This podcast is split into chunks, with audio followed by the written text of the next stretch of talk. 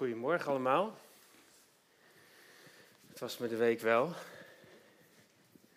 Maar voordat ik begin wil ik uh, eerst de naam van Jezus noemen. Jezus, u bent welkom hier. Geest van God, u bent welkom. Hier op deze plek, in ons hart, in onze kerk in onze stad, in ons land. Geest van God, u bent meer dan welkom. Kom, Heilige Geest. Daar wil ik het vandaag over gaan hebben. De afgelopen tijd zijn we in onze diensten wat prominenter uh, aan het eind van de dienst aan het wachten op de Heilige Geest. Misschien is je dat opgevallen, misschien heb je daar vragen over. Uh, dat is uh, niet voor niks. Op de afgelopen Vineyard-conferentie um, hebben we daar met elkaar bij stilgestaan. En um, Steve Nicholson, de spreker, dat was een Vineyarder van het eerste uur die samengewerkt heeft met uh, John Wimber, die heeft ons daar echt in meegenomen. En het is ook een, erfenis die we als Vineyard-familie hebben. En vandaar dat ik uh, het ook belangrijk vind om daar vandaag over te spreken en ook wat context bij te geven. Kom Heilige Geest is eigenlijk een heel oud gebed. En dat is uh, bekend van de vroege kerk, nog voordat de Rooms-Katholieke kerk en de Orthodoxe kerk eigenlijk uit elkaar uh, gingen en er een, uh, ja, meerdere kerken ontstonden. Het is een gebed waarin we de Heilige Geest verwelkomen. Dus het laatste wat ik zou willen doen vandaag, is over de Heilige Geest spreken alsof hij er niet zou zijn.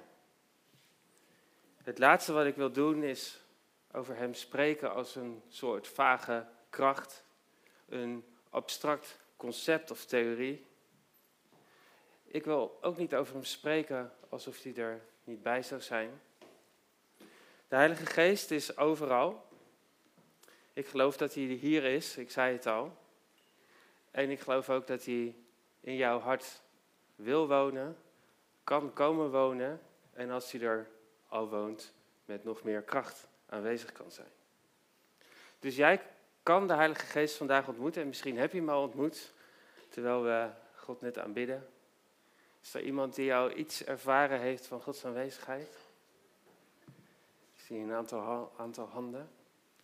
Het is prachtig, hè? Hoe God dichtbij kan komen. Het idee waar we uh, mee kunnen starten is uh, met uh, onze mobieltjes. Die dingen die zijn waardeloos als ze niet verbonden zijn. Hè, als je in het vliegtuig zit, dan kan je maar de helft van wat dat ding kan. Je kan geen berichtjes sturen, bepaalde airlines tegenwoordig wel. Maar als die dingen niet connected zijn, dan zijn ze eigenlijk waardeloos.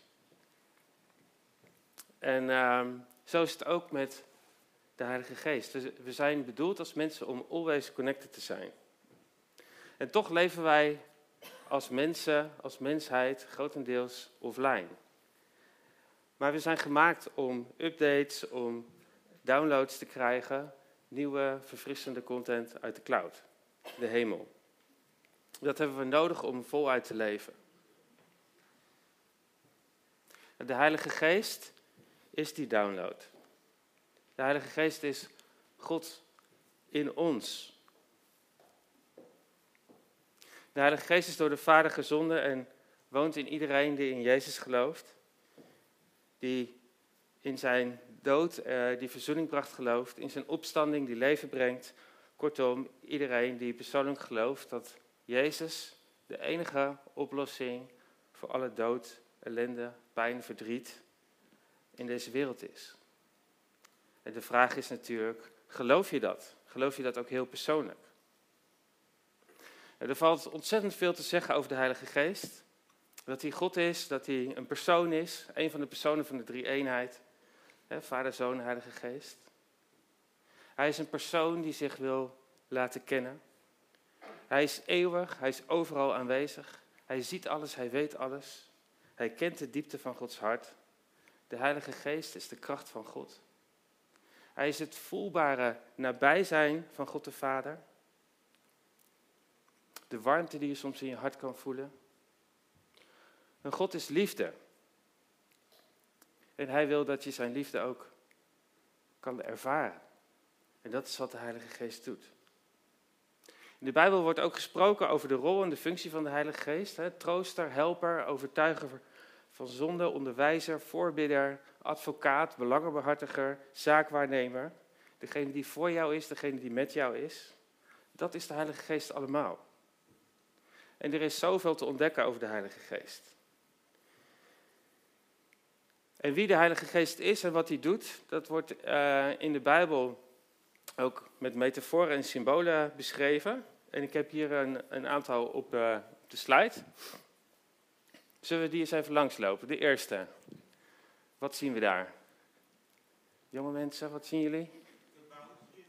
Kaboutertjes? Nee, die, die zie ik niet. Noem ze eens. De duif. En waar staat de duif voor? Ja, want de duif die daalde neer toen Jezus gedood werd. Hè? De Heilige Geest kwam op Jezus. De volgende. Vuur. En dat kennen we van? Pinksteren, precies. De derde. De wind. Jezus spreekt over de Heilige Geest als, als de wind. De, de, de bomen bewegen en de wind waait. Dat kunnen we zien. Maar de Heilige Geest zelf kunnen we niet zien. En dan uh, de vierde. Water. Waar gaat die over? Wat heeft Jezus daarover gezegd als het gaat over de Heilige Geest? Stromen van levend water zullen uit ons binnenste stromen. Goed, dan de, de vijfde. kracht, precies. De Heilige Geest is de kracht van God. En dan de zesde, die is misschien wat moeilijker te zien. Olie, precies. De Heilige Geest wil olie gieten in onze wonden. En dan uh, even kijken, dat is dan de zevende. Ruach, de levensadem van God, die ingeblazen wordt. En als laatste, zegel. Serge, zei jij dat? Zei jij het? Oh, oké. Ja, de zegel, dat klopt. De Heilige Geest is, wil wat God in ons leven doet, verzegelen. En hij, hij is het zegel. Uh, als we gedood zijn, dan ontvangen we de Heilige Geest. En dat de Heilige Geest in ons woont, is het zegel. De vijand kan ons dan niet meer raken. Dat kan hij niet van ons afnemen. Dus dat even in een, uh, in een notendop. En de Heilige Geest is alles behalve optioneel voor de kerk. En Jezus verwacht dat zijn mensen, dat zijn kerk gevuld is met de Heilige Geest.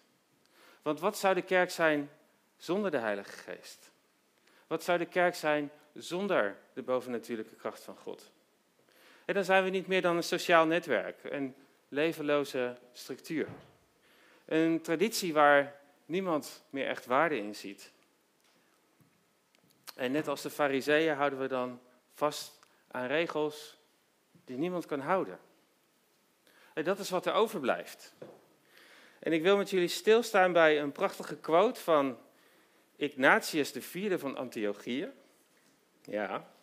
Hij was de patriarch van de Griekse orthodoxe kerk in Antiochië. En dat is dezelfde kerk als die Paulus gesticht heeft. Bijzonder hè? dat dat zo door de eeuwen heen nog steeds uh, bestaat. Hij zegt het volgende. Zonder de Heilige Geest is God afstandelijk en ver weg. Christus slechts een historische figuur, het evangelie een dode letter, de kerk slechts een organisatie, gezag een zaak van overheersing, vertellen over Jezus propaganda, aanbidding het oproepen van emotie, christelijk leven, slavenarbeid. Maar met de Heilige Geest is de kosmos herrezen en kreunt het van de barensweeën van het koninkrijk. De opgestane Christus is hier. Het evangelie in levende kracht laat de kerk het leven van de drie-eenheid zien, heeft gezag, een bevrijdende functie. Vertellen over Jezus is als Pinksteren, aanbidding, vol dankbaarheid en verwachting. En menselijk handelen is goddelijk geworden. Dat is mooi verwoord. Zonder de Heilige Geest is kerk zijn een kansloze missie. We hebben hem nodig. En laten we de Heilige Geest verwelkomen. En misschien kunnen we met z'n allen dat gebed uitspreken. Kom, Heilige Geest. Zullen we dat doen? Kom, Heilige Geest. We willen u verwachten. Maar wie nodigen we uit als we dat gebed bidden? Wat kunnen we dan verwachten? Nou, laten we de Bijbel open doen om te ontdekken wie de Heilige Geest is en wat hij wil doen. Een aantal dingen zijn al langsgekomen, maar het begint bij het begin. De wereld was een soort mars, zeg maar. Chaos, geen, geen leven. En dan lezen we dat in het begin schiep God de hemel en de aarde. De aarde was nog woest en doods. En de duisternis lag over de oervloed. Maar Gods geest zweefde over het water. En God spreekt en Gods geest, de kracht van Gods geest komt in beweging. En uit chaos maakt hij de kosmos. Uit wanorde maakt hij een ordelijk en harmonieus geheel. Het ongevormde, dat wordt schoonheid. En het oude wordt het nieuwe. De Heilige Geest wil nieuwe dingen creëren, ook in onze levens. Nieuwe verlangens, nieuwe dromen. Ehm, vernieuwing in wie we zijn. Ons karakter, nieuwe creativiteit, nieuwe gedachten, nieuwe ideeën. En vaak vinden we verandering ook wel een beetje spannend. Hè? Soms zijn we ook best wel conservatief en gaan we liever door op de route die we gewend zijn. Maar de Heilige Geest is intelligent en creatief en hij wil nieuwe dingen creëren.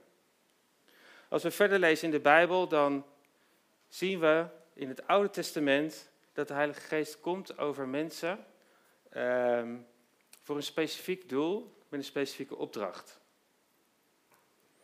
De Heilige Geest komt bijvoorbeeld op uh, een man die Bezaleel heet. Ingewikkelde naam. Hij kreeg de opdracht om de tabernakel te bouwen. Dat was Gods woonplaats voor de, onder de Israëlieten in de woestijn, toen ze uh, die woestijnreis maakten. En de Heer zegt dan tegen Mozes, ik heb mijn keuze laten vallen op Bezaleel de zoon van Uri, de zoon van Geur, uit de stam van Juda. Ik heb hem vervuld met goddelijke geest, met wijsheid, vakmanschap, inzicht op allerlei gebied. Hij kan ontwerpen maken en ze in goud, zilver, koper en brons uitvoeren. Hij kan stenen snijden en zetten en hout bewerken. Hij beheerst ook allerlei andere vaardigheden. Dat was nogal een uh, allrounder. Ik heb hem gevuld met de geest van God. Zodat hij een creatief vakman kan zijn. Dus de Heilige Geest vervult mensen. Heb jij op die manier wel eens over jouw vak nagedacht? Je kunt getalenteerd zijn, maar de Heilige Geest brengt het echt naar een next level. Een nieuwe dimensie in alles wat we doen. En in de geschiedenis zien we daar ook hele bijzondere voorbeelden van. Van Albert Einstein is bijvoorbeeld bekend dat uh, zijn uh, relativiteitstheorie dat hij die zag dansen op de muur.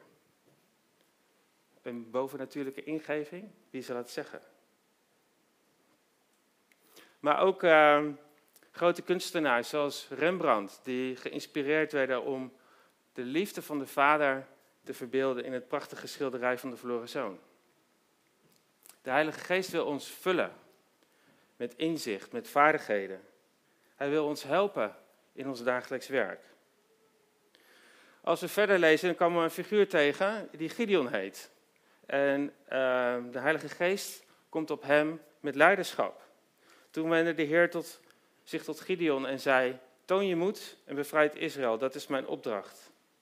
Mag ik u vragen, antwoordde Gideon. Hoe zou ik Israël kunnen bevrijden?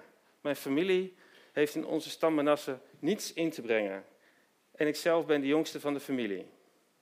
Dat is, dat is Gideons reactie. Maar God, ik kan het niet. Ik ben zwak. Mijn familie stelt niks voor. Ik ben onaanzienlijk. Dit gaat niet werken. Maar toch kiest God ervoor om mensen te gebruiken die zich zwak voelen. Ongeschikt, niet toereikend. En dat vind ik zo bemoedigend. Hij kan zelfs mij gebruiken. Ik ben misschien niet geschikt, maar wel beschikbaar. En als hij het nou in mij en door mij heen doet, dan lukt het wel. En hij kan ook jou gebruiken. Nou, hoe werkt het dan als we verder lezen in uh, Richteren? Dan staat er, toen kwam de geest van de Heer over Gideon. En Gods geest kwam met bovennatuurlijke wijsheid, inzicht en leiderschap om Israël te bevrijden. Nog een, nog een figuur uit de Bijbel, Simpson. Die ontving bovennatuurlijke fysieke kracht van de Heilige Geest. Hij was gevangen genomen en er staat dan, toen voerde de geest van de Heer in hem. De touwen waarmee hij gebonden was, leken wel vlas dat wegschoot in het vuur. Zo makkelijk vielen ze van zijn armen. Dan de profeet Jezaja. Jezaja 61, heel bekend. De geest van God de Heer rust op mij. Want de Heer heeft mij gezalfd om aan armen het goede nieuws te brengen, heeft hij mij gezonden. Om aan verslagen harten hoop te bieden. Om aan gevangenen hun vrijlating bekend te maken. En aan geketenden hun bevrijding. Om een genadejaar van de Heer uit te roepen. Een dag van de wraak voor onze God. Om allen die treuren te troosten. En dat is zo'n mooi voorbeeld van wat de Heilige Geest doet. Hij geeft jou en mij de mogelijkheid om anderen te helpen, om hun hoop te geven, om vrijheid te brengen. Nou, in gebed met uh, andere mensen, in, in pastoraat, uh, aan het eind van de dienst, op wat voor plekken dan ook, heb ik dat zo vaak mee mogen maken. Dat Gods geest dingen wil aanraken als we voor elkaar bidden. Nou, in het Oude Testament zien we dus dat de Heilige Geest over mensen komt voor een specifiek doel en een specifieke opdracht. Maar als we verder lezen, dan, dan bouwt er als het ware een verwachting op. Er staat iets nieuws te gebeuren. Een belofte van God de Vader. Nou, wat is deze belofte? Wouter noemde het net al. Ezekiel 36. Ik zal zuiver water over jullie uitgieten.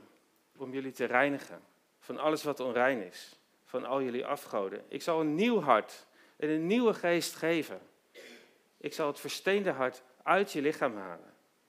En er een levend hart voor in de plaats geven. Ik zal jullie mijn geest geven. En ervoor zorgen dat jullie aan mijn bepalingen houden en al mijn regels naleven. In het Oude Testament vinden we al die regels en die wetten die, die mensen moesten naleven. Nou, dat begon natuurlijk met de tien geboden en er waren nog nog veel meer um, regels, die ook de cultuur van het volk bepaalden. En dat waren goede dingen, maar het lukte het volk steeds niet om zich daaraan te houden. En dan gingen ze weer afgoden aanbidden. En het werd een zware last. Herken je dat? Is jouw geloof een zware last omdat je aan het worstelen bent met wat wel hoort en wat niet hoort, wat goed is en wat fout is. En dan zegt God, als mijn geest komt, dan zal het anders zijn. Dan mag je die last van die regels afleggen. En dan zal ik je een nieuw hart geven, met een nieuw verlangen. Dan komt het van binnenuit in plaats van dat je dat het je opgelegd wordt de Heilige Geest wil jou de kracht geven om het goede te doen. Hoe gaaf is dat? En hij maakt harten die hard geworden zijn, weer zacht. Nou, ik heb wel eens eerder wat gedeeld over uh, hoe ik ben opgegroeid in een dysfunctioneel gezin en uh, een emotioneel afstandelijke vader. Uh, dat had, had, mijn hart hard gemaakt. En ik heb uh, een zachter hart ontvangen in de loop van de tijd. Ik heb innerlijke genezing ontvangen. En mijn versteende hart is zacht geworden. Als Gods geest komt, dan maakt Hij ons hart zachter. En oh, wat hebben we dat nodig in deze tijd, waarin alles zo aan het verharden is. Kom, Heilige Geest, en maak onze harten zacht en levend. Als Gods Geest komt, dan maakt hij ons vrij van boosheid, van haat.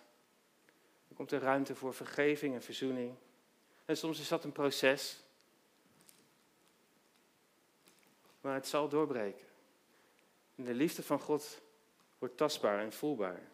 En ons hart wordt gevuld van zijn liefde. En dan gaat het door. Profeet Joël, die zegt het volgende. Ik zal mijn geest uitgieten over al wat leeft. Jullie zonen en dochters zullen profiteren. Oude mensen zullen dromen dromen en jongeren zullen visioenen zien. Nogmaals, in het Oude Testament komt de Heilige Geest over mensen voor een specifiek doel en een specifieke opdracht. En dan is er in één keer die belofte van God de Vader dat er iets nieuws gaat komen. Dat het niet alleen voor specifieke mensen, voor een specifieke opdracht is. Nee, Gods geest is voor iedereen. Ook voor jou.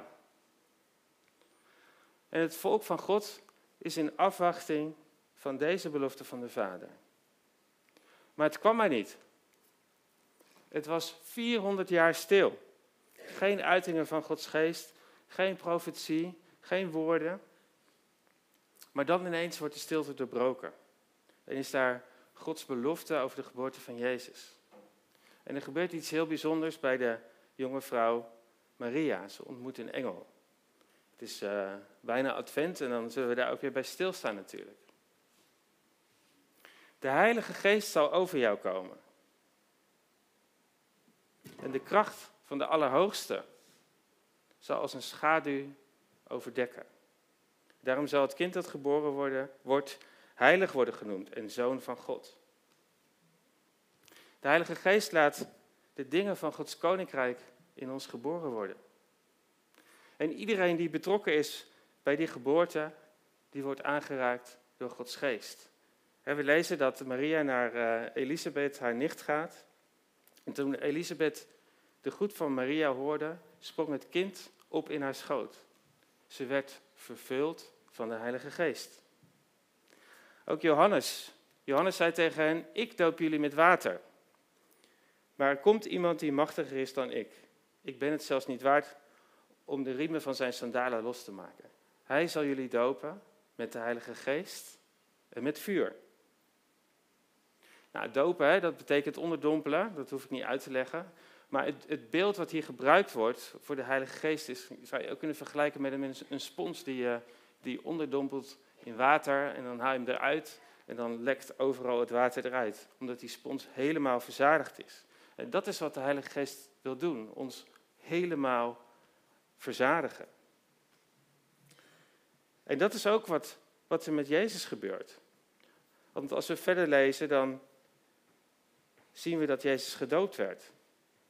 En toen ook Jezus was gedoopt en hij aan het bidden was, werd de hemel geopend en daalde de Heilige Geest in de gedaante van een duivel op hem neer. En er klonk een stem uit de hemel. Je bent mijn geliefde zoon, in jou vind ik vreugde. En wat Jezus overkwam op dit moment, is ook voor ons. De hemel mag ook voor jou geopend worden. En Jezus is vol van de Heilige Geest. En Jezus als mens had het nodig om Gods Geest te ontvangen. En dat hebben wij ook nodig. Als we verder lezen, dan staat er, vervuld met de kracht van de Heilige Geest, keerde Jezus terug naar Galilea. En het nieuws over hem verspreidde zich in de hele streek. Dus de kracht van de Geest zette hem in beweging. En het is de start van zijn publieke optreden.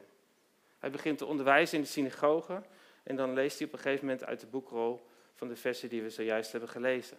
De geest van God, de Heer, rust op mij, want hij heeft mij gezalfd. En dan gaat hij zitten. En zegt hij van, vandaag zijn deze woorden voor jullie in vervulling gegaan. Ik ben die vervulling van dat woord. De geest van God rust op mij.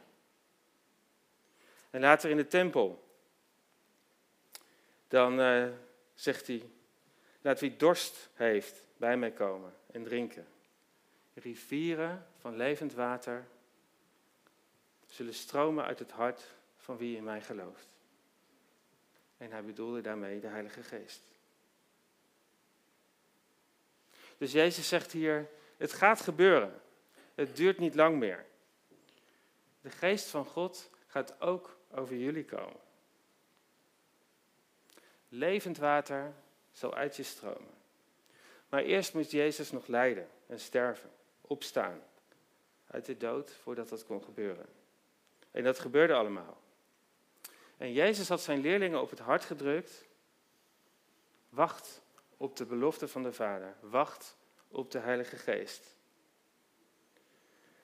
Terwijl hij met een ad gaf hij hun deze opdracht. Ga niet weg uit Jeruzalem, maar blijf daar wachten op wat de Vader beloofd heeft. Even kijken hoor. Waarover jullie van mij hebben gehoord. Johannes doopte met water, maar binnenkort worden jullie gedoopt met de Heilige Geest. Dus ze moesten wachten op de belofte van de Vader. En in Handelingen 1, vers 8 voegt Jezus er nog aan toe, maar wanneer de Heilige Geest over jullie komt, zullen jullie kracht ontvangen. Om mijn getuige te zijn in Jeruzalem en heel Judea, Samaria tot, aan de uiteinde van de wereld. Dus met andere woorden, ga niks uit jezelf doen, zonder de kracht van boven. Wacht. Dus de leerlingen wachten in de bovenkamer, dag na dag, week na week. En die verwachting wordt opgebouwd, de spanning wordt opgebouwd. Zoals een champagnefles die uh, schudt met oud en nieuw. Elk moment kan de kurk eraf schieten. En dan plopt de kurk eraf. En die champagne spuit eruit. De geest is uit de fles. Dat is precies wat er gebeurt. Pinksteren. Plotseling klonk er uit de hemel een geluid, als van een hevige windvlaag, dat het huis waar ze bevonden geheel vulde. Er verscheen een soort vlammen op hun hoofd, die zich als vuurtongen verspreidden en zich op ieder van hen neerzetten. Ik stel me zo voor, dat begint dan ergens, daar een vlammetje en dan verspreidt dat zo over allemaal. Bijzonder. Even kijken, waar was ik gebleven? En alle werden vervuld van de Heilige Geest. En begonnen op luide toon te spreken in vreemde talen, zoals hun door de Geest werd ingegeven. Nou, dit hele gebeuren dat werd nogal uh, verschillend ontvangen. Er was verwarring, de een noemde het belachelijk, de andere zeiden van nou die gasten zijn gek geworden. Weer anderen zeiden dat ze dronken waren, doe eens normaal. Maar dan is het Petrus die opstaat en context geeft. En dan geeft hij een hele indrukwekkende speech. Dit is het mensen. Gods geest die over iedereen die gelooft, wordt op dit moment uitgegoten. En toen ze dat hoorden, waren ze diep getroffen en vroegen aan Petrus en de andere apostelen: Wat moeten we doen? Petrus antwoordde: Kom tot inkeer. En laat u alle dopen in de naam van Jezus Christus om vergeving te krijgen voor uw zonde. Dan zal de Heilige Geest u geschonken worden.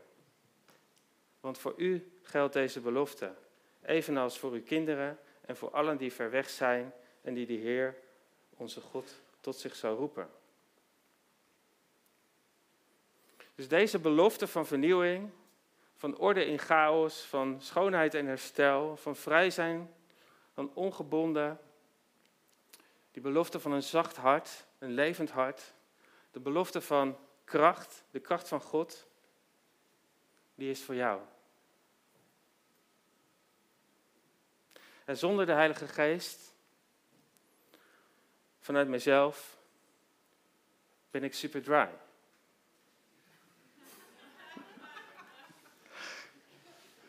Kerk zijn zonder de Heilige Geest, dat wil ik niet. En kan ik ook niet. Jij wel?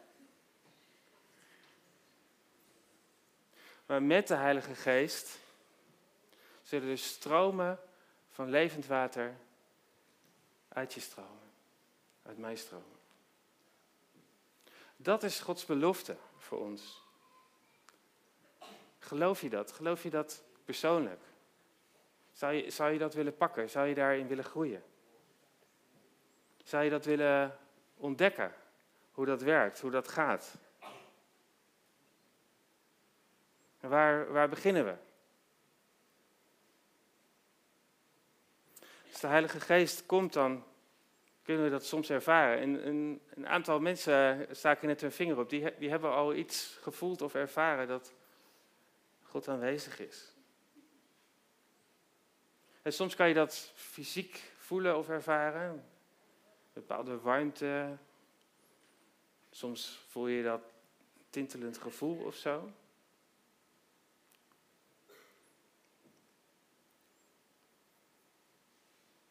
Soms kan je het ook merken dat je in een bepaalde gedachtenlijn wordt meegetrokken. Ken je dat wel eens?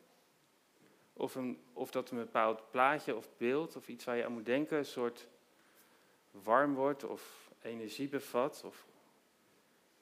Soms is het ook een beetje zoeken naar taal, hè? want het, hoe, hoe werkt dat?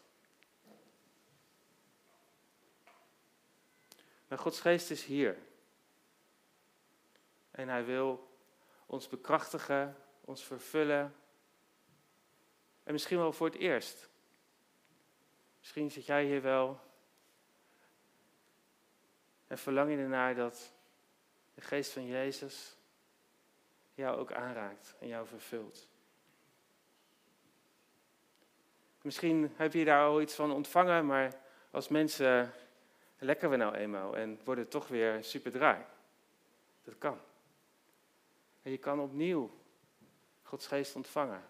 Je kan opnieuw zijn kracht ontvangen. En we willen graag de Heilige Geest uitnodigen.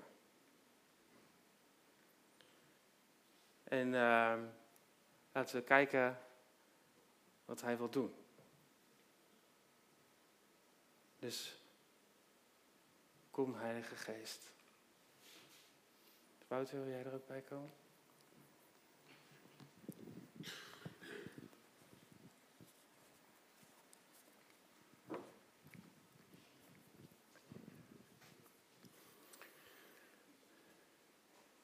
Laten we de Heilige Geest verwelkomen. Zullen we dat nog een keer met z'n allen zeggen? Als dat ook iets is wat op jouw hart is. Kom, Heilige Geest.